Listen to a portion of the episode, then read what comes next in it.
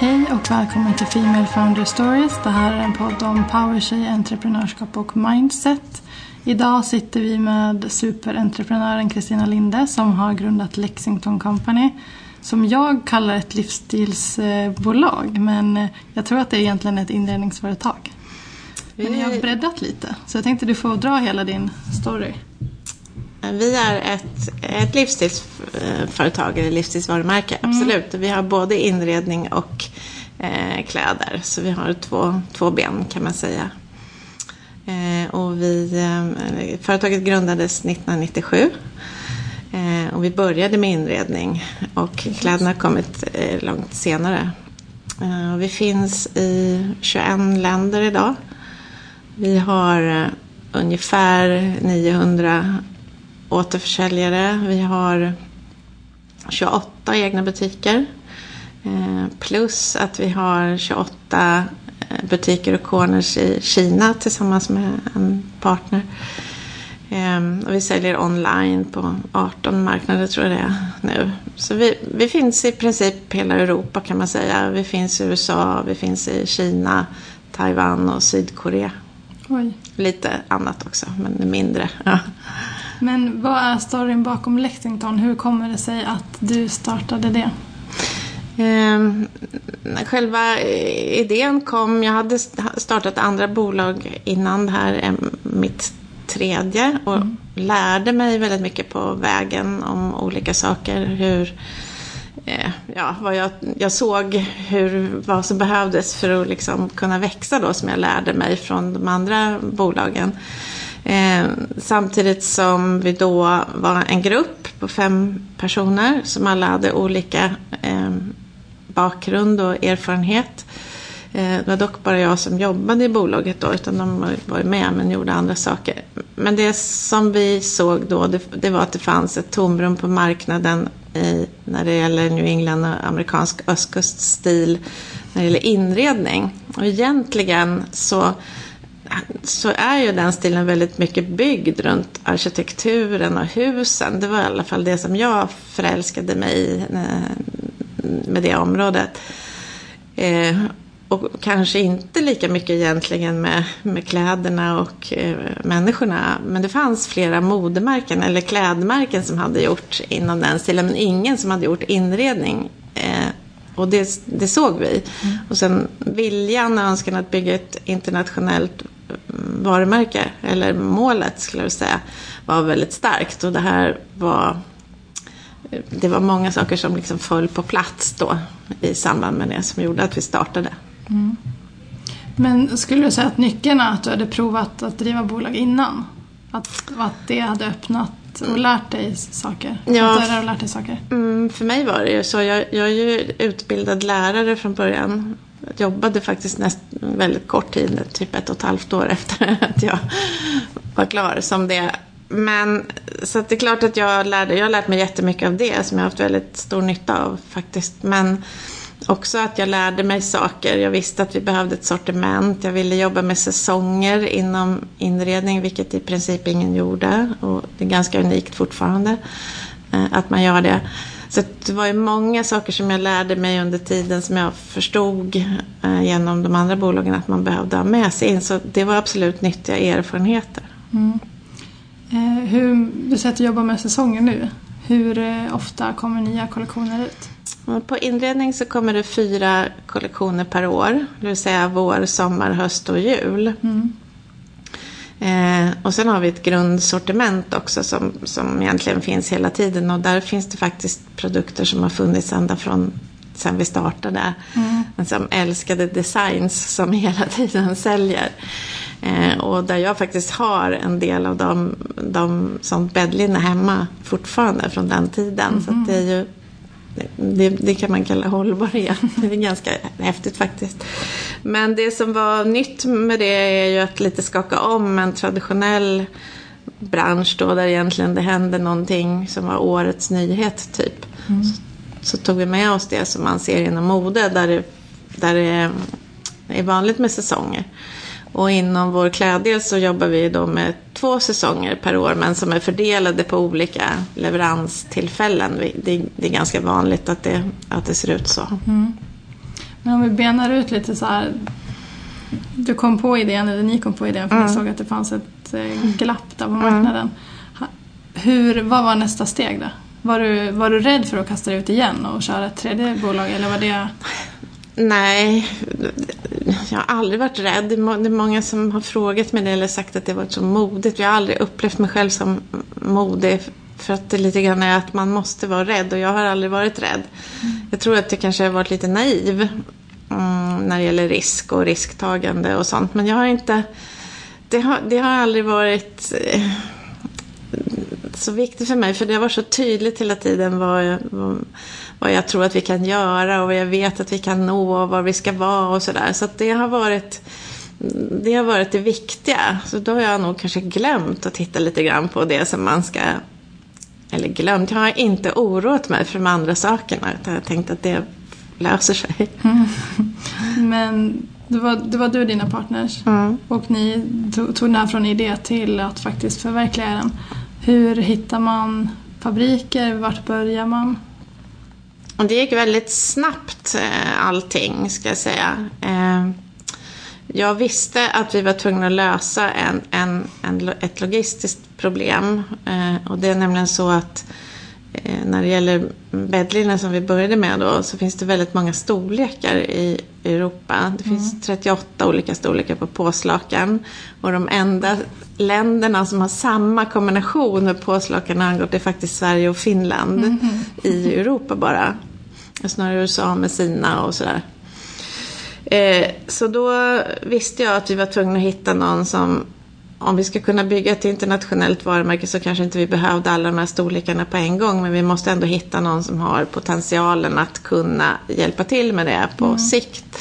Det var den ena delen. Den andra delen var att vi ville eh, Alltså en av våra idéer eller våra världen det är att vi använder skjorttyger som bäddlinne. För att, för att förklara det så brukar jag be eh, att man ska tänka på om man har en skjorta som man tycker som man trivs väldigt bra, som är, som är av bra kvalitet och som är bra sytt och sådär så får man liksom ganska härlig känsla.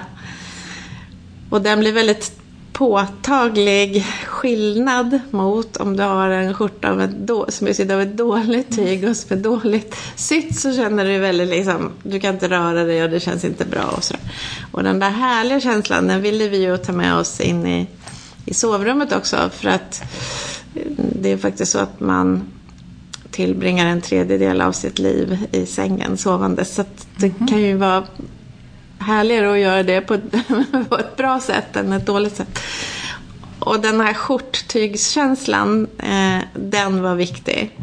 Och i den här eh, branschen eller inom textil så tror man kanske att det är lite samma med hemtextil och, och eh, textil inom mode. Men det är faktiskt väldigt stor skillnad på då, vilka som jobbar där och vilka fabriker som gör olika saker och sådär. Så jag var tvungen att hitta någon som kunde förstå den här känslan, ta med sig det in i hemtextil och samtidigt klara alla de här storlekarna. För då behöver du praktiskt andra vävstolar än det som du gör när du gör skjortor till exempel.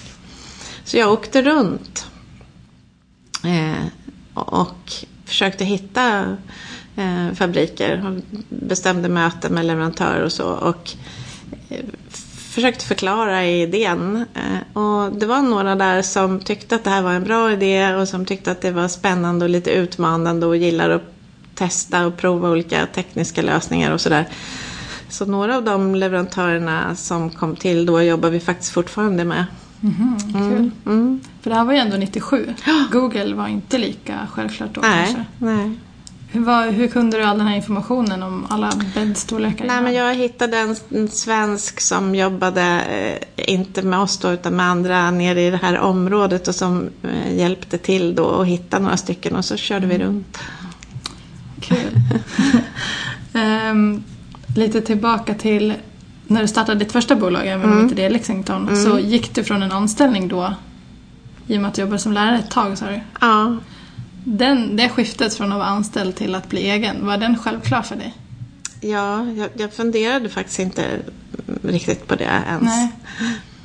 Eh, jag fick barn under den här perioden, eller vi fick barn under den här perioden också. Så att det var en väldigt eh, privat sätt så var det ganska mm, rörigt på något sätt med alla olika saker. Även om vi, vi hade stabilt. Men det var liksom, så jag vet inte, det var ju mer än, än att man fick saker att fungera helt enkelt.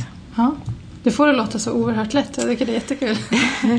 ja, men det har, det, det har varit lätt för mig då. Alltså, man liksom, alltså det, mentalt lätt? Ja, mentalt mm. lätt. Liksom. Det, det, hela tiden. Sen är det saker som såklart har varit svår, svårigheter och man måste lösa problem och det har varit alla möjliga olika saker på olika nivåer såklart. Men mm.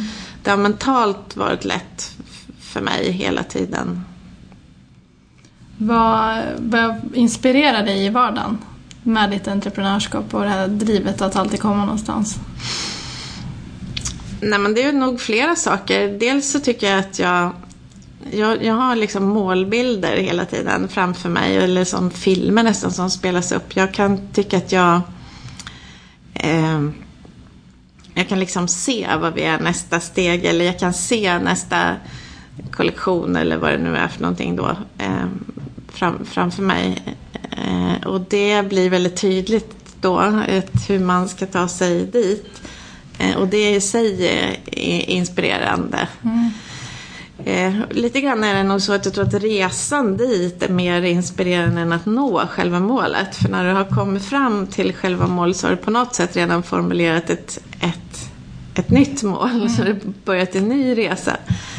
Det tror jag är väldigt typiskt entreprenörer. Jag tror inte det är så typiskt mig utan det är, typ, det är nog, nog gemensamt med många entreprenörer tror jag. Mm.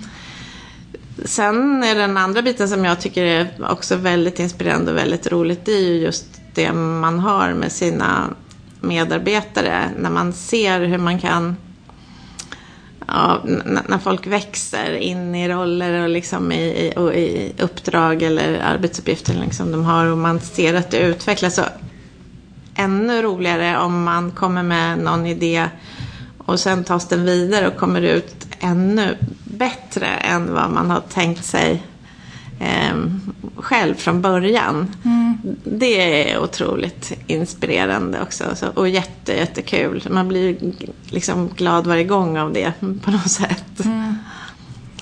Det här med att man ser bilder framför sig nästan som att man visualiserar mm. vart man ska eller vart målet är. Det är någonting som återkommer genom alla, nästan alla avsnitt ja. jag kör. Mm. Har det alltid varit så för dig? Ja. Även när du var yngre, att du ja. kunde se saker? Ja. Det har bara kommit naturligt? Ja, det har faktiskt alltid varit så. Mm. Ja.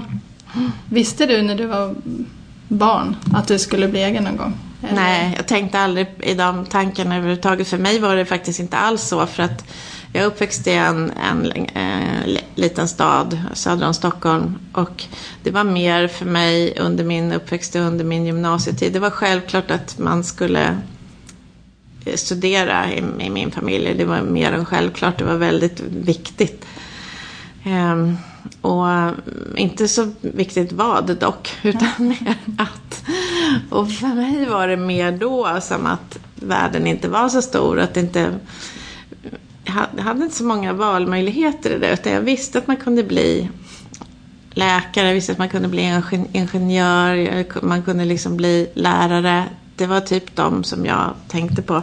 Sen så klart att jag förstod att, du kunde, att det fanns andra yrken också. Men, men det var ganska liksom inriktat på det där.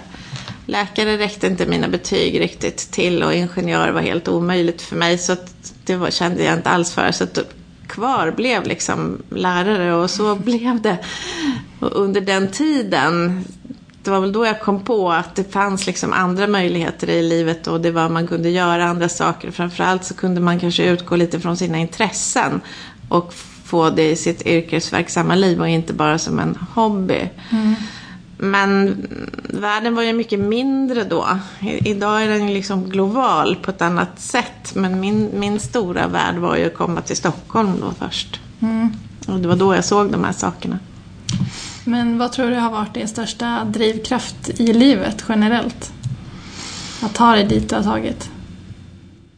Alltså jag, det har inte varit för mig att ta mig någonstans utan det har varit för mig att, att, att göra de här, att de här sakerna liksom, som jag ser ska bli gjorda eller ska bli verklighet. Att Som de en slags skaparglädje nästan. det har, ja, det, det har aldrig handlat om mig som person en enda gång skulle jag vilja säga. På det sättet. Sen Nej. kan jag liksom såklart tycka att det är kul ibland att vara ehm, och stå i centrum. Det är dubbelt det där. Ibland är det roligt och ibland så är det inte alls roligt. Det, det, det, det är faktiskt ganska olika med det. Men alltså, det är ju inte de sakerna som har, som har drivit drivit på utan det är ju mer att, att man vet att de här sakerna kan åstadkommas eller kan, kan göras och då vill man nå dit. Mm.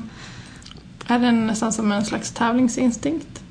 Är absolut en tävlingsmänniska eh, så det, det finns nog absolut med där. Eh, men, men jag ska ju inte säga att man riktigt tävlar mot någon, någon annan. Jag vet inte. Det är, det är inte direkt så att man tycker att man måste bli större än någon eller bättre än någon eller så. Utan, eh, för mig är det nog väldigt mycket drivet att jag vill göra allting så bra det bara går. Och jag gillar inte när det inte liksom eh, när man inte ens har försökt hela vägen. Så det, det är mer kopplat till, till, till sådana saker. Är du perfektionist? Ja, ganska mycket. Ja.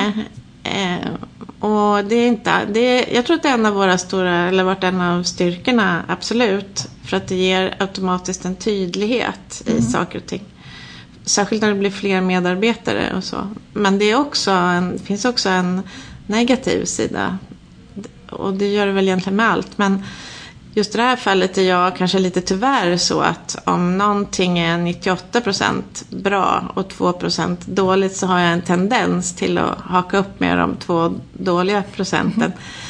Och det är ju fine så länge det gäller en själv men det är kanske inte alltid lika lyckat, lyckat om det gäller en medarbetare som verkligen har liksom kämpat och kanske inte ens eh, rår, rår, rår på att de där sista två procenten kom vi inte i mål på. Då får man ju försöka tänka på det. Men det skaver alltid lite för mig, det måste erkänner jag.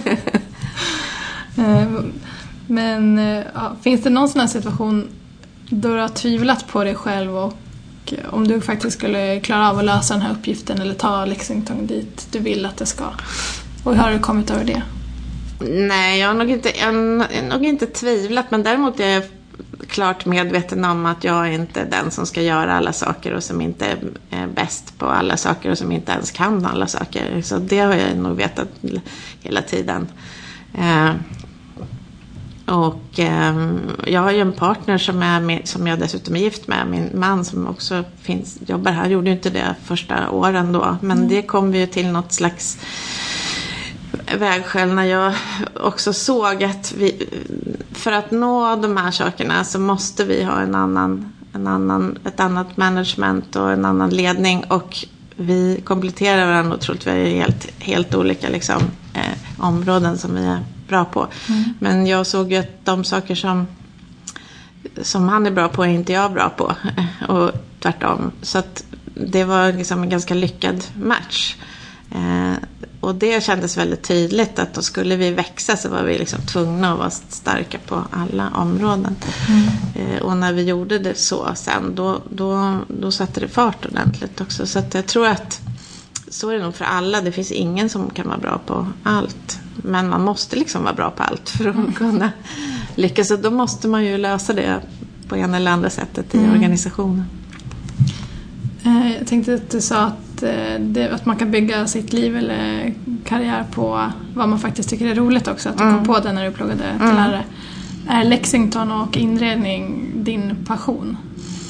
Alltså inredning och även eh, mode och eh, så. Och liksom form och allt sånt där har alltid varit min, min passion då. Eh, nu, nu är ju inte vi en mode modemärke på det. Så att liksom inom det som är vårt så att säga. Då. Eh, men jag tror att hela det här med, med koncept, att få ihop allting, det är nog min det är nog en av mina styrkor. Att kunna göra det och vara liksom, få det att fungera på alla plan och också hur det ser ut och vilka produkter det är men också hur det fungerar. Så det, det, det har ju nog alltid funnits där. Jag har alltid sysslat med sådana här saker. Det var bara att jag förstod inte att man kunde ha det som jobb. Men jag tänker, jag kommer tjata mycket om den här starten av Lexington mm. för jag tycker att det är så himla intressant. Mm. Men hur kom ni först ut? Hur nådde ni era första kunder?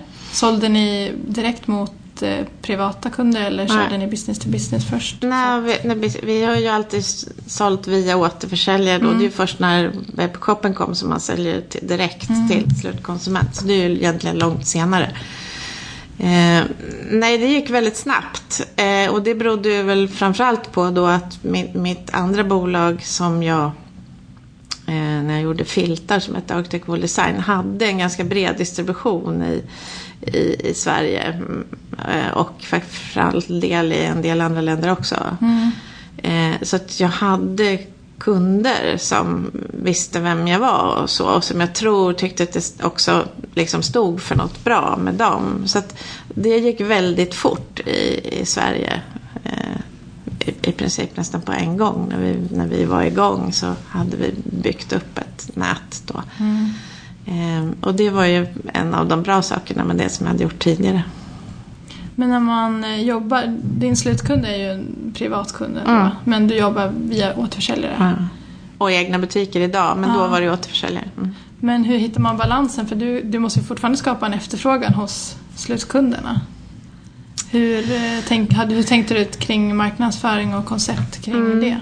Alltså marknadsföringen och, och, och konceptet runt det har ju alltid varit väldigt viktigt för oss. Mm. Och det var ju någonting som vi jobbade väldigt mycket med redan från början. Och i den här eh, gruppen som vi var då, där eh, de är inte kvar i bolaget. Förutom Tommy då som, jag, som var med, som jag också är gift med, alltså min partner. Men de andra är inte kvar. Eh, men de hade också väldigt mycket um, jobbat med marknadsföring och så. Det var deras bakgrund. Så att också för oss så har ju då bilden och kommunikationen och marknadsföringen varit otroligt viktig under mm. hela resan. Och är fortfarande otroligt viktig. Så jag lägger väldigt mycket tid på, på det. För mm. att det är så prioriterat för oss hela tiden. Och det är ju alltid riktat till, till slutkunden som vi vill liksom ska uppleva vår värld helt enkelt. Så mm. det är viktigt. Vad är du mest stolt över hittills i ditt entreprenörskapsliv? Jag är mest stolt över att vi har lyckats bygga Lexington till det varumärket det är idag. Mm. Eh, vi är absolut på den internationella banan. Liksom. Vi finns i många länder. Vi är eh, kända inom, inom det vi gör. Eh. Börsnoterade också? Ja. Mm. Grymt.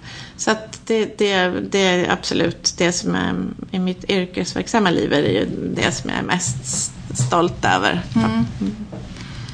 Mm. tror du att du kommer ehm, starta nya bolag eller kommer du köra Lexington livet ut? Eh, så det vet man aldrig. Men just nu har jag ju väldigt... Det är klart att Lexington är helt prioriterat för mig nu och det jag gör i, idag är jag ju faktiskt också ett ansvar som, som är annorlunda som har hänt under årens lopp. Dels har jag ett ansvar mot alla som jobbar här. Eh, men jag har ju också ett ansvar mot våra aktieägare i och med att vi är också speciellt då i och med att vi är noterade. Så att jag mm. kan ju liksom inte splittra mig för, för mycket utan jag måste ju fokusera. Så du det blir svårt att svara på frågan vad du gör om fem år? Nej, men jag tror att jag är kvar här om fem år. Mm. Eh, jag tror, alltså det, det, är ju hela tiden en utveckling i de saker som man gör. Och jag har alltså, någon slags evighetsperspektiv för Lexington som varumärke. Det vet jag ju att det kanske är svårt. Jag själv kan ju inte ha ett evighetsperspektiv för det är ingen som lever i all evighet. Men mm. för, för varumärket så, så är det så liksom, horisonten är långt, långt bort. Så då behöver jag ju hela tiden bygga och vi måste bygga i, i, i företaget för att liksom kunna gå vidare, utvecklas, ta nya steg och få människor och medarbetare som kan ta ansvar för sina områden. Mm. Så, så det är det jag liksom sysslar ganska mycket med. Så det är såklart att om fem år så tänker jag kanske att det är vissa saker som jag gör idag som jag inte kommer att göra då. Men jag kanske liksom få mer tid till andra saker inom verksamheten i, istället. Då. Mm. Det ändras ju lite. Det har ändrats under alla år mm. lite grann. Hur hänger du med när allting förändras hela tiden? Nej, men jag tror inte jag har så svårt för det. Det beror säkert på vem du, vem du frågar i och för sig. Eh, men eh, nej, jag tycker inte det är så svårt. Sen är det många saker som när det gäller hela den här digitala världen som är väldigt tekniska. Mm. Och, då, och det kan jag ju inte. Eh, och det finns ju andra områden som jag inte kan heller såklart. Men det är väl ett bra exempel på att där, idag kanske det krävs, just inom de områdena så krävs det specialister på ett annat sätt. Mm. Så var det ju inte innan, eh, innan den här digitala transformationen kom. Liksom. Mm. Eh, många entreprenörer gillar ju att skapa koncept just som du säger. Och eh, få ihop en helhet och se det framför sig. Och sen så går de vidare och hittar på nästa och nästa och nästa. Men du har ju ändå stannat till Lexington. Mm. Vad är det som gör att eh, du klarar av att utveckla ett företag hela tiden och hitta den inspirationen och inte få så här shina object syndrome och springa på andra bollar? Ja, men det har nog att göra med det här med konceptet. Jag tycker att det är väldigt roligt att bygga koncept och ta, ta det vidare. Vi, jag satt nu för en stund sedan i ett eh, designmöte och då pratade vi just om det där att man ofta får frågan om inte det är svårt att utveckla det. Och det är faktiskt inte alls svårt. Det är liksom det absolut lättaste när man har lite oskrivna blad och sen vet vad man ska ta vidare framåt och allt är möjligt och sådär. Det, det, det är inte det som är det svåra. Det är andra saker som är svårare. Vad som händer i handeln och hur liksom alla, alla sådana där saker mm, påverkar och vad som kanske händer med valutor och marknader och allt det där som, som man inte kommer, kan påverka. Liksom. Som man inte kan påverka liksom. Det är ju mycket svårare. Eh, så att det, det känns ganska naturligt. Har du känt att alla har förstått ditt eh, val att driva eget bolag? Ja, det har jag faktiskt. Jag tror jag har aldrig blivit... Jag har aldrig hamnat i någon situation ens när jag, någon har ifrågasatt det. Nej, vad skönt. vad är ditt bästa tips för att lyckas som entreprenör? När tänker du nu på när man börjar? Ja, kan, ja, det är framförallt i början tror jag. Mm. Jag tror, först så tror jag att det är så här att man tänker väldigt mycket och funderar väldigt mycket. Och liksom, någonstans så kan man inte göra det utan någonstans så måste man bara göra det. Man måste liksom se till att det blir gjort, det som man tänker. Mm. Eh, och det kan ju låta liksom, kanske som ett konstigt råd men det finns många som pratar väldigt mycket och gör väldigt lite. Och det är ingen som kommer att göra de här sakerna åt dig. Så vill du verkligen så får du faktiskt se till att du gör det Eh, och då tror jag det svåra kan vara då efter det kan vara att fokusera och i vilken ordning du ska göra. Och en del som jag träffar grubblar väldigt mycket liksom på saker som är och tänk, då säger jag, nej men jag, jag skriver listor. Jag gör fortfarande. Mm. Skriv listor och sen så liksom, sen får man bara ta sakerna och så i början. För det är ganska många samtal som måste ringas och du måste göra många olika saker som, som, som blir, din verksamhet blir beroende av att de verkligen blir gjorda. Mm. Och så betar man av det där. Och sen är det då säkert några saker på den här listan som inte blir gjorda. Som du flyttar dag från dag. Det tror jag alla känner igen sig Och då beror ju det oftast på någonting. Det kan ju bero på att de kanske behöver lite mer processtid, lite mer tanketid, lite eftertanke eller att det inte är riktigt självklart hur du ska göra. Så, så det är nog ganska okej. Okay. Men många av de här bassakerna, de, de får man bara se till att de blir gjorda så kommer man igång. Och sen kommer sakerna liksom att lösa sig vartefter. Du måste ta tag i dem. Så det handlar väldigt mycket om det i början. Att kavla upp ärmarna? Ja. Eh, har du haft en mentor när du har, eller under ditt följt din entreprenörskapsresa? Nej, det har jag inte haft. Eh, däremot har jag varit mentor i lite olika sammanhang. Sådär. Men eh, det som har varit för mig det är nog att jag har, har fått förmånen på olika sätt i olika sammanhang att träffa andra entreprenörer och sådana som var ganska stora och framgångsrika när vi var ganska nya. Mm. Och jag tycker enligt min erfarenhet är i stort sett alla entreprenörer väldigt generösa med sina eh, erfarenheter och hjälp och tips och sådär. Många tycker också om att prata, för det tror jag hör ihop lite grann det där. och, och man kan lära sig jättemycket på det sättet genom att lyssna på flera. Så det tyckte jag var, har varit väldigt bra. Mm. Eh, så det försöker jag tänka på och liksom ha lite payback time där ibland vid mm. olika tillfällen. Så. Som nu? Som nu. Mm. Mm. Har du någon förebild då i ditt företagande? Nej, inte på det sättet. Utan jag har faktiskt tittat, försökt liksom tänka vad den har gjort bra, vad den har gjort bra, vad den har gjort bra och sådär. Och sen försökt liksom fundera lite grann på utifrån det och fått inspiration så på det mm. sättet. Så det har inte varit så konkret på det sättet utan det är mer att jag har tagit med mig det när jag har hört någonting tänker jag lite på, mer på temat relationer och sånt där. Mm. När, eh, när man säljer till återförsäljare mm. så måste du ändå bygga upp någon slags, eh, som du sa, du hade ju redan ett, ett nätverk från ditt förra bolag mm. och du bygger upp ett kontakt, ja men ett, ja, ett nätverk.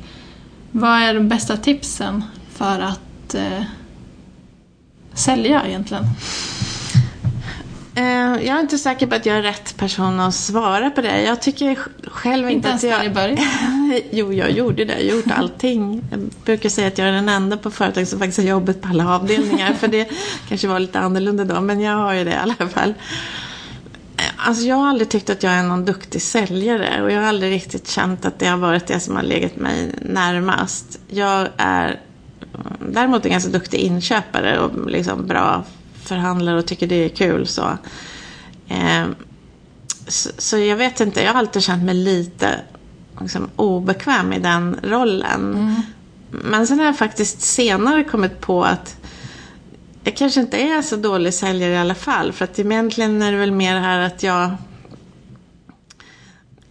står för någonting. Att jag tycker väldigt mycket om konceptet och att jag liksom drivs i det. Och jag tycker att vi gör fantastiska produkter. Så att, och utan att sälja, säljer ändå. Om mm. du förstår vad jag menar. Så tror jag att det har varit mycket för, för mig och så. Var du aldrig rädd där i början att även om du tyckte om produkterna att, att de inte skulle göra det? Eller att någon inte skulle göra det? Nej, Nej, faktiskt inte. Vad bra. Kan jag inte ta lite av ditt Men eh, okej, okay. då, då frågar jag om förhandlingar istället. Mm. Om du känner att det var mer ditt mm. område, vad är dina bästa förhandlingstips? När man sitter där och ska köpa in någonting. Nej, men jag har ju nog varit väldigt bestämd. Jag är en ganska envis person och jag vet att jag har varit liksom, ibland lite överkant kanske envis. Det slipas av lite grann med åren och jag har väl kanske också lite förstått att man kanske måste ge och ta och lite grann fundera över vad är, vad är det som är viktigt att vi vad är det som är viktigt för oss att vi liksom får igenom? Vad blir, vad blir det viktigaste i, i det här? Eh, och sen så kanske man får kompromissa med någonting annat då. Men jag är inte kompromissvillig när jag vet att jag, när, när jag liksom vet att det här, eh, det här är liksom relevant, det här är rätt för den här saken och det här, det här, det här borde ligga här, om, om vi nu ska ha, köpa in någonting men liksom gäller kvaliteten, en prisnivå eller någonting sånt då. Mm Eh, liksom då, då, då har jag väldigt svårt att, att, att, att ge mig överhuvudtaget. Eller om det är någonting när det har varit saker som har varit inte bra i, i, med någon, någonting sådär så tycker jag att eh, och just det här med ärlighet har varit väldigt viktigt för mig och är fortfarande viktigt för mig genom åren. Och jag, kan inte, jag vill inte jobba med människor som inte är, har den grundsynen om saker. Och då måste man ju på något sätt komma mm. överens i det. Eh, så det är nog de sakerna som har varit jag tror det kanske känns när man sitter med någon sån motpart också. Man, det blir inte så mycket motpart. Till slut så löser man ju då eller kommer överens mm. i de lägena. Har du, nu hoppar jag tillbaka till återförsäljarna igen. Mm. Har du någon gång känt att du var tvungen att tacka nej till en återförsäljare för att behålla konceptet har varit så viktigt för dig? Ja, oh ja det har vi gjort. Ja. Många gånger. Mm. Mm. Var det jobbigt? Eller var det bara självklart? Eh, nej, men det har, inte, det har inte varit så jobbigt faktiskt. Alltså, det, det, nej, det är inte så jobbigt att tacka nej i början. Det är ju svårare när man har en längre relation med någon och, det, och du märker att någonting händer eller inte är bra. Då, då då kan du ju inte, då kanske du har flera anledningar att svårt att göra något. Dels kan det vara för att du har att rent relationsmässigt, det beror ju på vad det här beror på. Men mm. vi, man jobbar med människor och men, det händer saker med människor. Mm. Eh, alltså de, de eh, ändrar inriktning, de slutar, de säljer sina bolag eller vad det nu kan vara för något. De skiljer sig och liksom det händer massa saker i livet då. Och det mm. påverkar ju då. Och det är svårare när det är någon eh, när det är någonstans eh, som har varit bra som man plötsligt ser att det blir sämre. Och då måste du ju, då vill du ju försöka, då försöker man ju liksom gå in och se vad man kan göra tillsammans då i, i det. Men det är ju ett mycket, mycket svårare scenario. Eh, särskilt om du till slut måste bryta någonting. än att tacka nej till någonting från början. Det är inte speciellt svårt. Liksom. Nej. Men tackade du nej till återförsäljare precis i starten också? Ja, det gjorde vi. Mm. Det var väl ännu mer modigt, för var man inte mer sugen på att få igång rulliansen? Nej, men vi, vi, var, vi visste att vi var tvungna att vänta vissa dörrar sådär på att de skulle öppnas. Och, och det kan ju också bero på att man faktiskt får vänta. Om, man, om man, du vill komma in på något stort varuhus i Europa till exempel har en avdelning så har ju de ett antal varumärken som de sitter fast i kontrakt med på sina mm. ytor. Så de kan ju inte bara liksom sparka ut någon för att, för att vi kommer där och knackar på dörren eller de kanske inte ens vill det utan man får kanske få knacka på många gånger. Men det är ju ganska det är lite längre processer i det där och då vet du kanske att du kan få en möjlighet där så småningom. Då har du inte lust att ta grannen för att det är ett sämre alternativ utan då väntar du hellre på den här möjligheten som, som du, du hoppas och tror ska komma så mm. småningom. Då. Så lite is i magen? Ja, det tror jag man måste ha. Eh, för att det, det, det, bygger långsiktighet och stabilitet. Så det är kanske kortsiktigt det är dåligt men på lång sikt är det ju det som gäller. Eller vad har varit det svåraste beslutet att ta i ditt entreprenörskap? Eh, jag vet faktiskt inte vad det svåraste beslutet har varit och tagit. Jag, eh, jag tror inte riktigt jag kan svara på det på det sättet. Jag, jag tror att i början så var varje beslut, varje svårt beslut svårare än, än vad det är idag. Jag är inte riktigt lika svartvit tror jag som jag var då. Det var liksom bra eller dåligt. Idag har man lite mer eh, det, man lär sig på vägen att det finns liksom olika vägar och man kan liksom, man får bestämma sig så får man gå åt det hållet. Men när inte det, fungerar inte det så får man väl göra någonting annat då. Mm. Um, så det, det, är nog mer så. Um, jag har väl, det, det, som vi gjorde en gång det var att jag var väl, hade väldigt bråttom. Jag ville så gärna att vi skulle ha en egen butik. Så vi öppnade vår absolut allra första egna avdelning var det då i Köpenhamn. Och det var ju inget bra beslut för det var liksom, vi hade inte den organisationen då för att klara av någonting som, inte, som var lite, lite för långt bort. Mm. Eh, det var en fantastisk butik, den var jättefin men vi hade inte riktigt klarat av allt det som skulle vara liksom bakom. Så den fick vi stänga. Eh, men sen så kom vi ju tillbaks några år senare liksom med, med alla de sakerna som behövdes när vi öppnade egna butiker och så. Eh, så det var väl när jag haft för bråttom. Annars tycker jag att de svåra sakerna har alltid med människor att göra. Det tror jag aldrig man vänjer sig vid. Riktigt. Nej. Men om du fick bli ihågkommen för en enda sak när det gäller ditt företagande, vad skulle det vara? Ja, men det är varumärket som, som helhet. Liksom. Mm. Det kommer alltid först. Och sen har jag min sista fråga. Ja. Vad är ditt favoritcitat? Oj, eh, det är nog go for it. Ja, bra. Det var kul. Det är min kompis också. Tack så hemskt mycket för att du ville vara med i den här podden. Jag tror att du har inspirerat jättemånga. Ja, jag hoppas det.